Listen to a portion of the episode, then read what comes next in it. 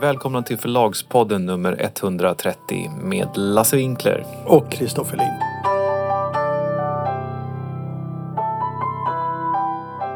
Vi eh, får ju alltid massa, inte alltid, vi får ofta massa eh, synpunkter och tankar från våra lyssnare.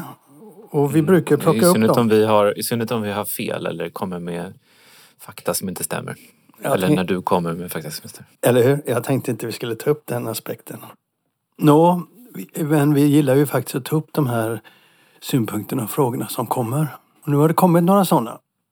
Och den första var ett hann bara göra en podd.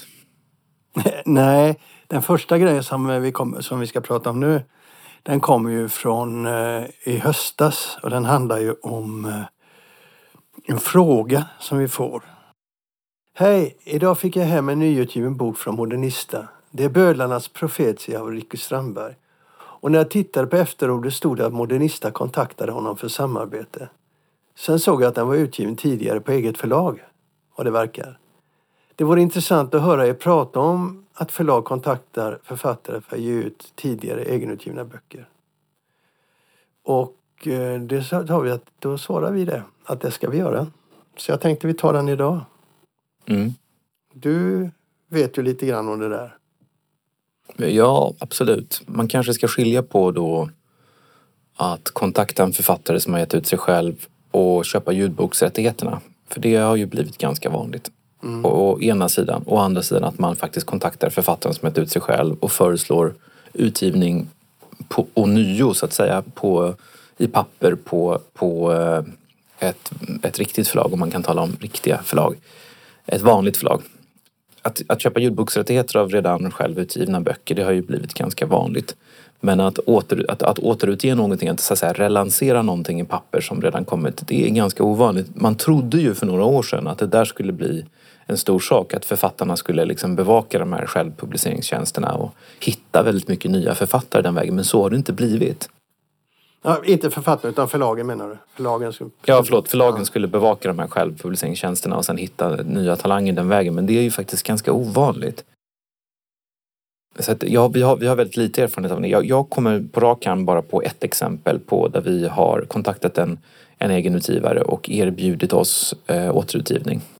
Det konkreta exemplet som vi har det är Sofia Bjarups bok Mörkrets barn som hon gav ut själv och som eh, vi hittade och tyckte var en fantastisk historisk roman. Och då eh, hade den kommit ut som ljudbok hos Saga Egmont.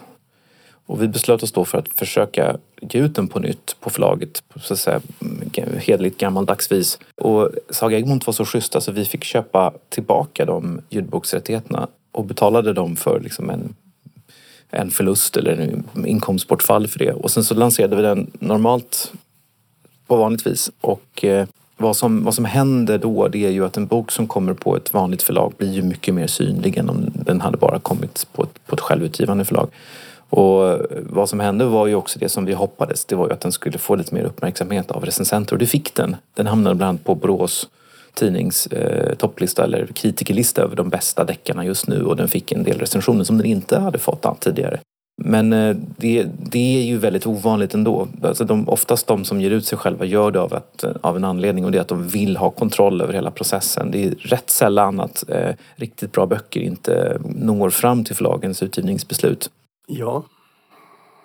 Men det är ju lite, något an, det är lite någonting annat än att man vill åt ljudboksrättigheterna. Mm. Det här är det liksom ett, mer, mer ett författarskap som man vill åt. Alltså man ser en potential i, i, i, själva skriv, skrivandet och det, det är inte så vanligt faktiskt. Så nu har vi fått ett till. Eh, en till reaktion kan man säga och det var eh, från förra avsnittet och handlar om det inslaget som handlar om topplistorna och dom- Bonniers dominans på topplistorna. Och det var ett eh, mejl som ville berätta för oss några saker som inte vi sa. Och som jag tror är rätt viktigt att vi tar upp med lyssnarna. För det första då så sa det här, eh, den här personen som skickade mejlet att listorna i år, eh, till skillnad mot tidigare år, inkluderar bokklubbsförsäljning.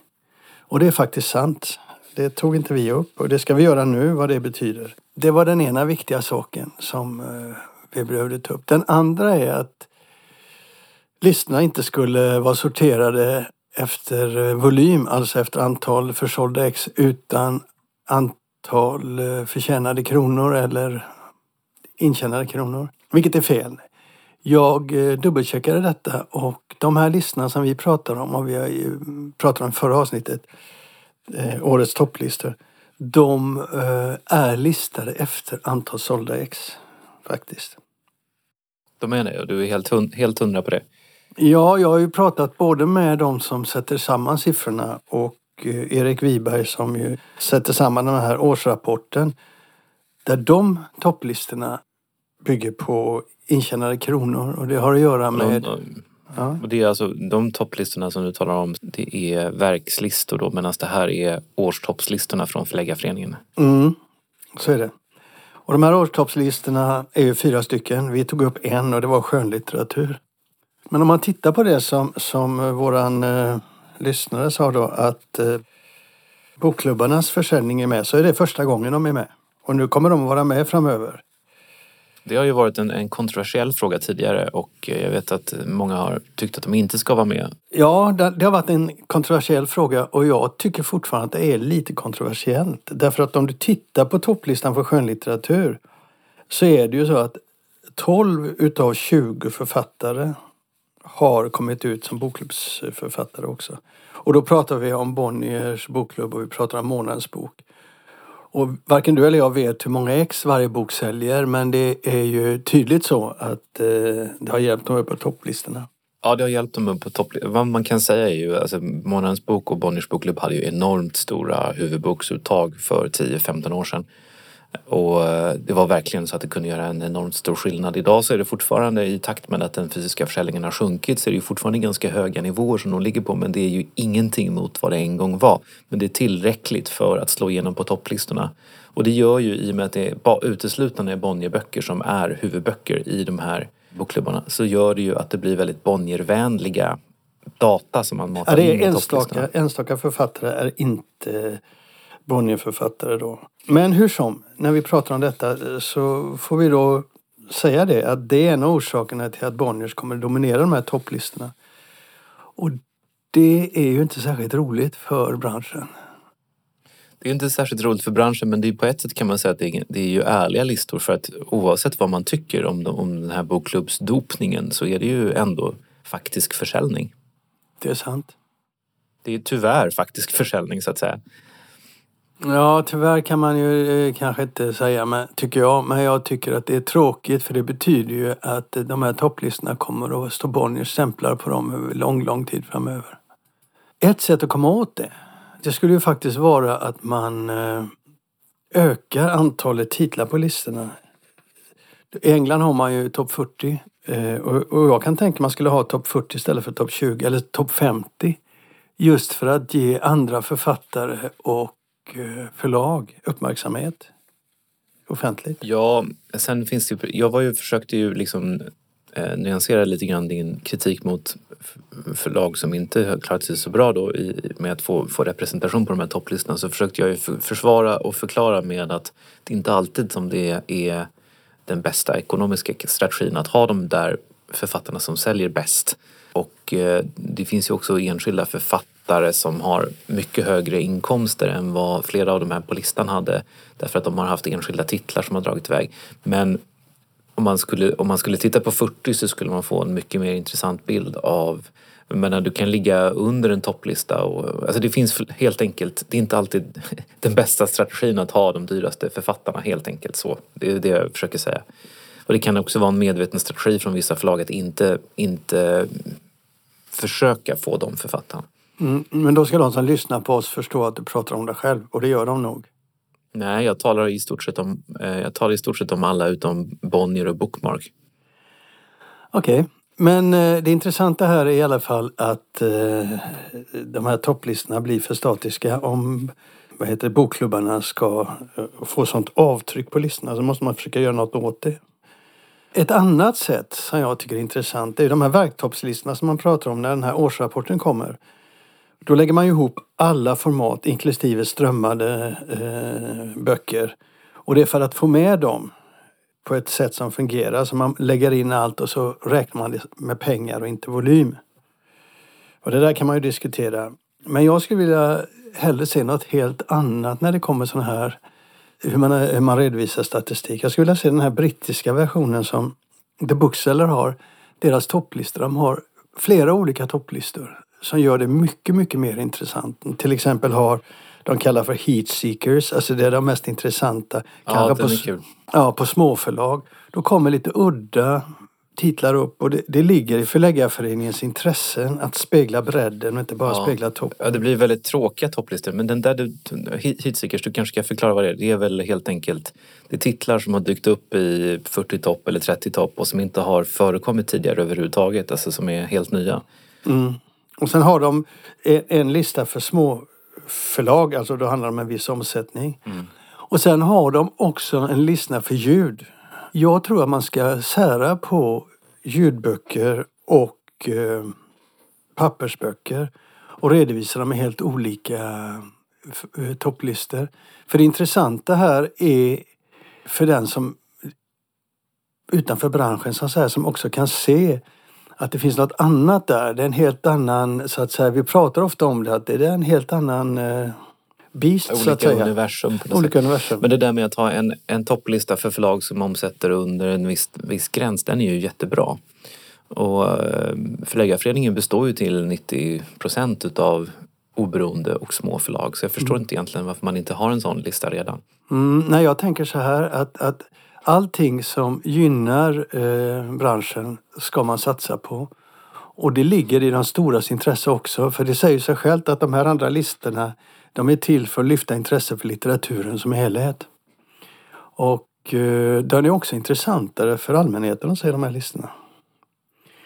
Men ta det här med strömmat, varför man skulle ha en egen lista. För, för vi kan sluta prata om ljudböcker i fysiska exemplar. Jag menar, det, det liksom... Det är så lite så det är ointressant. Mm. Och så titta på strömmat. Och försöka få de här organisationerna som jobbar med strömmat att redovisa till en instans som inte, som inte berättar det så att säga utanför. Det är så det här fungerar ju på det sättet att man lämnar sin statistik till ett ställe och ingen annan ska kunna se det. Och så lägger man ihop de här. Och då får man en lista som blir jätteintressant för oss som vill förstå hur bokbranschen fungerar och hur framtiden ser ut.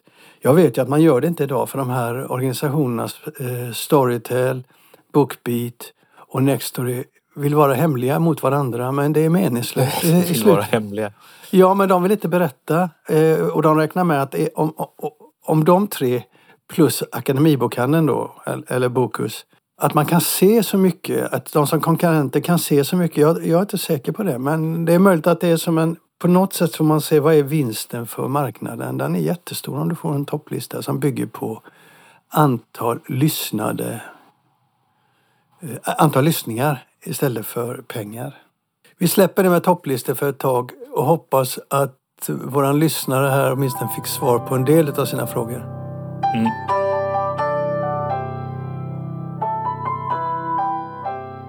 Jag skulle vilja prata om en annan grej. Du vet, helt nyligen så läste jag i tidningarna att Kulturrådets regler för stöd, eh, du vet när man söker bidrag och så, Ja. har ju vi, Ja, jo, jag läste också. vi har ju pratat om det tidigare, hur de har försökt att lägga in massa krav på politisk anpassning för att du ska få stöd. Och eh, vi har kritiserat det väldigt hårt. Och nu plötsligt så tas det bort. Det bara dök upp ett par eh, tidningsartiklar om det. Att eh, regeringen nu har beslutat sig för att eh, det är viktigt att kulturen står fri. Så nu ska, har de ändrat det där, eller ska ändra det där. Ja, jag noterade det. Så här skriver Svenska Dagbladet i en artikel om detta helt nyligen. Eh, Bakgrunden till de bekymrade tongångarna var två rapporter som förra året visade på brister när det gäller kulturens frihet. Den ena rapporten kom från Myndigheten för kulturanalys, den andra från Riksförbundet Sveriges museer. Rapporterna pekade på flera problem. Det handlar om allt från klåfingriga lokalpolitiker som vill styra museiutställningar till en statlig bidragsgivning som riskerar leda till självcensur bland kulturskapare. Det sista var ju precis det vi sa och vad vi var väldigt irriterade på. Mm. Om jag inte minns fel så pratade du med dem och då sa chefen för eh, de här frågorna, han sa det att okej, det är en styrning, men det är en vacker styrning. Ja, det var Staffan Torssell som sa och han sa det när han blev intervjuad av Kulturnyheterna med anledning av en debattartikel som jag hade skrivit eh, i, i Svenska Dagbladet. Det var, jag kommer inte ihåg om vi hade uppe det i podden, jag tror inte podden fanns då. Men jo, jo. Det, hade, det hade sin bakgrund och sitt ursprung i att Ola Wong som ju då drev någon slags korståg mot det här och som ju nu alla verkar tycka ha, hade rätt i sak. Han hade liksom dragit upp en debatt kring det här med litteraturstödet. Och jag var väldigt kritisk till att det stod i, eh, på själva ansökningen att man, man i samband med ansökningarna tog hänsyn till interkulturella perspektiv, mångfald och hbtq-saker och så vidare. Mm. Eh, dels att det var väldigt luddigt vad som faktiskt avsågs och sen att det liksom hade ju naturligtvis en, en, en, påverk, en, en effekt helt enkelt. Hur ska man, hur ska man göra liksom? Ska man ska man välja bort kvalitet framför, för, framför de där sakerna. Och jag, interkulturella perspektiv har jag fortfarande inte förstått vad det betyder. Men det var som att slåss med väderkvarnar. Det var bara högerspöken som tyckte som jag. Jag vet en, en moderat kulturpolitiker som sa till mig, håll dig undan från Ola Wong, han är inte bra. Och nu tycker alla så här. Jag blir väldigt skeptisk när alla helt plötsligt byter åsikt och jag tror verkligen inte att den nuvarande generaldirektören på Kulturrådet har bytt åsikt. Utan jag tror att man bara vänder kappan efter vinden. För nu, nu, är det, nu talar alla om armlängds avstånd. Och eh, det är nog antagligen rädslan för, för Sverigedemokraterna som har gjort att man har bytt, bytt position. Men helt plötsligt har det blivit politiskt eh, populärt så att säga. Jag förstår inte riktigt hur det har kunnat vända så snabbt. Jag är mycket skeptisk om en positiv till förändringen. Eh, ja, jag är också väldigt förvånad över att det gick så här fort. Och titta, går man in på kul, eh, Statens kulturråd så är ju ansökningshandlingarna inte ändrade ännu utan det har man sagt ska ske i februari. Mm. Alltså vändningen, den, jag tror att vändningen kom med Amanda Lind för hon tog frågan på allvar och tyckte verkligen att det skulle vara armlängds avstånd och att politikerna inte skulle styra. Sen tror jag att det har varit en det har liksom fortsatt och den nya kulturministern Jeanette Gustafsdotter är också inne på den här linjen. Hon kommer ju också från utgivarhåll. Hon har också eh, ändrat i regleringsbrevet till eh, Filminstitutet. Där, där, och det är ju intressant också att se om, om hon ska ändra i regleringsbrevet till Kulturrådet för där står fortfarande att man, man, att man ska ha de här principerna eh, övergripande för, för sin verksamhet. Ja, vi behöver inte uppehålla oss mer vid det men vi får ha ögonen på den här frågan. Ja, vi får ha ögonen på den här frågan. Sen, sen så kan jag tycka så här, jag är ju skeptisk till sådana där begrepp som man inte förstår. Och jag, jag är också skeptisk till egentligen att man ska ha interkulturella perspektiv och hbtq-perspektiv och sånt. För jag tror ju att kvalitet oftast är mångfald eller leder till mångfald. Samtidigt kan man ju säga att det är inte konstigt exempelvis att en verksamhet ska ha ett visst jämställdhetsperspektiv. Det står ju till och med i lagen. Pendeln har ju verkligen svängt. Men det är märkligt hur intressant det kan vara med politik, till och med ibland kulturpolitik. Mm. Vi går vidare, vi släpper den frågan.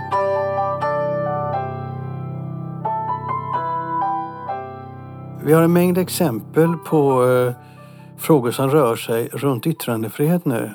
Frågan om Spotify, Joe Rogan och Neil Young är en sådan. Men vi har också sett eh, i andra sammanhang, jag tänkte att vi skulle diskutera det lite grann. Mm. Och, inte, och inte bara ta upp det som vi brukar utan se om vi kan bli mer konkreta.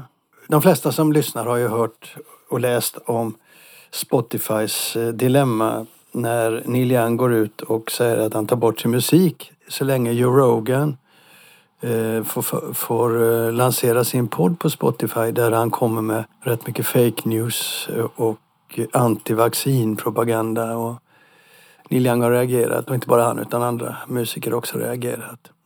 Det fick både dig och mig att studsa lite. Hur vi plötsligt upptäckte på Facebook och sociala medier hur svenska Spotify-prenumeranter plötsligt gick ut och la sig i, hade synpunkter på den här konflikten. Mm. Utan att nämna dem vid namn. Du såg några stycken som fick dig att studsa? Ja, absolut. Nej, men jag såg ju exempelvis en av mina egna författare som eh, väl, var väldigt snabb på att säga upp sitt Spotify-abonnemang och som var väldigt noga med att inte göra det i tysthet utan att tala om det för hela världen och uppmana världen att göra likadant. Eh, och han fick ju då en svans av personer som tyckte det var ett eh, fantastiskt bra initiativ. Jag såg någon annan som sa att finns det något schysst alternativ till Spotify? Jag tycker ju att man har rätt att naturligtvis uttrycka sin åsikt såklart. Och man har också rätt att rösta med fötterna. Men den här cancel culture som det ju trots allt är, att så fort som det är någonting man inte håller med om så ska man, ska man eh, protestera och försöka bojkotta och utfrysa. Den är ju ganska tröttsam. Och vi har ju tagit upp, vi har ju varit inne på de här yttrandefrihetsfrågorna ganska många gånger och vi har även varit inne på problemet med de här plattformarna som distribuerar. Jag har ju också förutspått att det förr eller senare kommer smälla på, på Storytel eller Bookbeat. Jag tycker ju ändå att det finns en skillnad mellan de här, vad som står i vad en, vad en tidningsredaktion exempelvis publicerar och vad en sån här plattform publicerar. Då kan man i och för sig invända att, att Spotify har ett särskilt ansvar för Joe Rogan eftersom det faktiskt är ett exklusivt material som de har betalt honom för att ta fram. Men eh, eh, jag tycker ändå att det är, man, man, måste hålla huvudet lite kallt. Och att det är liksom en, en, en skillnad på vad man, vad man publicerar och vad man distribuerar. Samtidigt, eh, jag förvånas ju över de här svenska reaktionerna så fort Neil Young gick ut. Eh, de har haft hur lång tid på sig som helst att reagera mot Joe Rogan om de tycker det var viktigt utan att Neil Young gör det. Men ingen har gjort något förrän Neil Young bestämmer sig. Nej men det beror ju på att det är ju ingen som egentligen bryr sig om att diskutera vad det, alltså själva sakfrågan. Det är ju väldigt få som har, jag har frågat massor av människor de senaste dagarna om de har lyssnat på Joe Rogan. Det är ju nästan ingen som har gjort. Nej. Det är ju ingen som går till källan och tar reda på vad är det egentligen han säger? Vad, hur, hur, hur, vad står han för? Hur är hans podd? Utan man reagerar ju liksom bara spontant och ryggmärgsmässigt. Det är inte heller, av de här som har sagt upp sina abonnemang och låtit hela världen veta om det så är det ju inte så att de har liksom bemött det som, som har påståtts i podden eller försökt att driva en egen opinion kring, kring vaccinationer. Utan det är, den, den, det är inte det som är intressant utan det intressanta är att, att visa på att det här, är, det här är något som jag inte tycker är okej. Okay. Mm. Det finns fler uttryck för sådana här eh, konflikter som vi har runt omkring oss. En är ju den här eh, artikeln i Aftonbladet där eh, Nyosha Sham, jag tror jag uttalade rätt, skrev en artikel eh, om att bara rasifierade kritiker skulle recensera rasifierade konstnärers arbete, inga andra. Och det där kom upp i GP eh, och den handlade om att en recensent hade varit kritisk mot en Disneyfilm och då skrevs eh, den här artikeln. Och sen kom ett svar i Expressen som är rätt eh, snyggt. Men jag ska ändå inte, jag ska ändå inte eh, citera det. Det är av Sakine Madon som är eh, politisk chefredaktör på Uppsala Nya Tidning och bokdebutant i vår. Man kan se den på Expressen, den är rätt intressant för den tar upp alla de här frågorna som jag tycker är centrala i, i, i de här konflikterna. För det berör samma sak som den här Spotify-konflikten gör. Vem får prata? Det är lite olika saker men det är ju, framförallt så berör det att man måste respektera andras uppfattning och sen så Exakt. kan man ha synpunkter på vem som sprider vad och vem som ska ta ansvar för vad som sprids och så vidare. Men, men det är det som är jobbiga med yttrandefrihet att man måste acceptera sånt som man, som man tycker är förfärligt och avskyvärt och som man tar avstånd ifrån. Du skickade den här DN-artikeln som satte igång den här debatten till mig. Och så, så skrev du en kommentar. Och då skrev du bland annat jag får lust att pensionera mig och sluta uttala mig i dessa frågor. Man har ingenting att vinna, sa du. Skrev du. Ja, men det är lite, lite är det ju så. Det är ju ungefär som med Ola Wong-debatten för, för, för, några år sedan. Att det, det bästa är ju faktiskt att hålla tyst. För annars så framstår man som, som ja, en extremist det bästa är bara, det bästa är, det, du får så många som tänker på Åsa Linderborg som ju verkligen har, har fått så mycket skit för de, de eh, insatser hon har gjort i den här frågan. Men, men, men, men det enklaste och smidigaste är ju faktiskt bara att ducka hela tiden. Men nu gör inte vi det. Du har ett exempel också från Nederländerna i din egen verksamhet. Ja, och det är, det är ett absurt exempel. Nederländerna, där smäller det ganska ofta kan jag säga. Och vi har ju en utgivning av ljudböcker där. Och eh, vi hade gett ut en bok Eh, som handlade om en äldre rockstjärna som fick ihop det med en yngre kvinna och det var ganska mycket sex i den här boken. Samtidigt så rasar en debatt i Nederländerna som utgår från att deras motsvarighet till Idol har blivit kritiserat för att eh, programledaren och ledningen i det här programmet har varit väldigt sexistiska. De har haft en unken kvinnosyn. De har utnyttjat sin maktställning. Det finns anklagelser om trakasserier, till och med i något fall kanske våldtäkt. Och då har personer tyckt att det finns vår bok som är en skönlitterär bok och som inte har någon koppling till någon av de här personerna i, i det här tv-programmet. Då har ett antal personer tyckt att vår bok ju är ett uttryck för den här typen av manschauvinism Och att det liksom är förfärligt att Storytel har en sån bok och krävt att de ska ta bort den. Och vi har då fått frågan från nederländska Storytel om vi inte kan tillfälligtvis ta bort den. Och det gjorde vi då inte. Nej. Vår bok hade alltså ingen koppling och vår bok innehöll ingenting som var förbjudet. Jag vill komma till bara där, det är just den här minsta motståndets lag. Att man, att man, det är så lätt då att ta bort den för att det blir så jobbigt på Facebook. Det blir så jobbigt att försvara sig. Men alla streamingtjänster, alla plattformar som distribuerar saker, även alla tidningar, sitter på en eh, potentiell krutdurk. För att om man, om, man, om man bara hela tiden duckar och tar bort det som möter lite motstånd, det som skaver och det som kan uppfattas fel, då, då, då gör man sig själv en väldigt stor otjänst. Jag, jag funderar lite på det här. Vi tar ju upp den här frågan rätt ofta och för att vi inte bara ska fastna i ett reaktivt mönster så borde vi fundera lite grann på vad kan man göra åt det här? Jag tänker så här. Eh, svenska bokbranschen, om vi utgår från det vi ändå pratar mest om, kommer ju att hamna i de här situationerna gång på gång på gång igen. Och jag tror att det är dags att sätta sig ner och fundera över en offensiv strategi. Alla säger ju att de här frågorna, yttrandefrihet och tryckfrihet och så, är centrala värden för bokbranschen men, och organisationerna.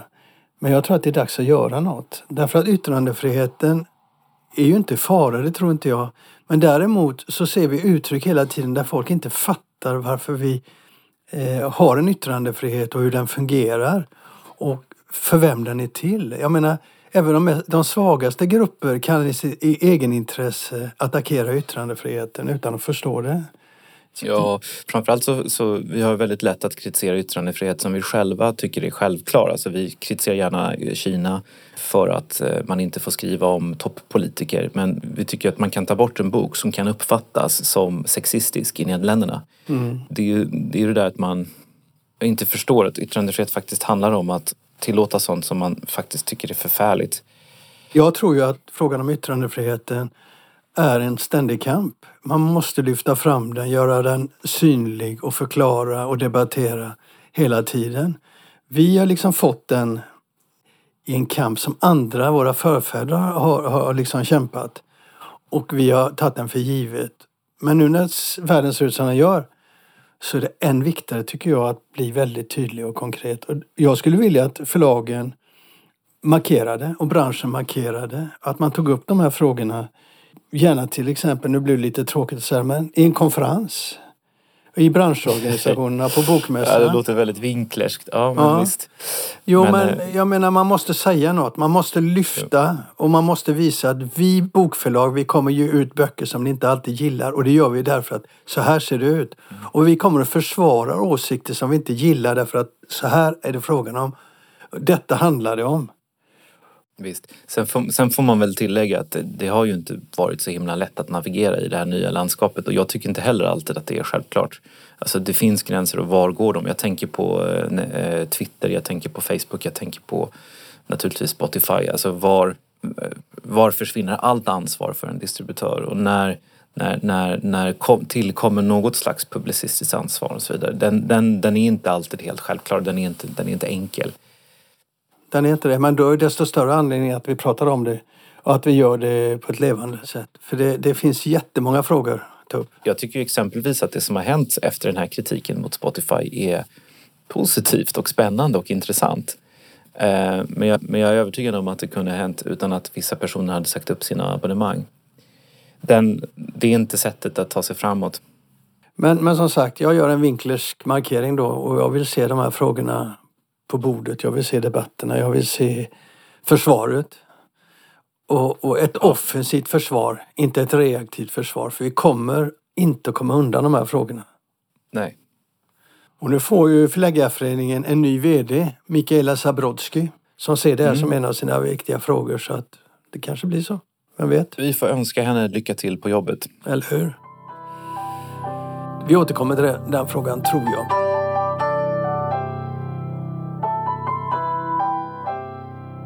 Är vi, ska vi sluta där? Jag tycker vi gör det. Mm. Det var allt för avsnitt 130. Tack ska ni ha. Vi hörs om en vecka. Det gör vi. Hej då. Hej då.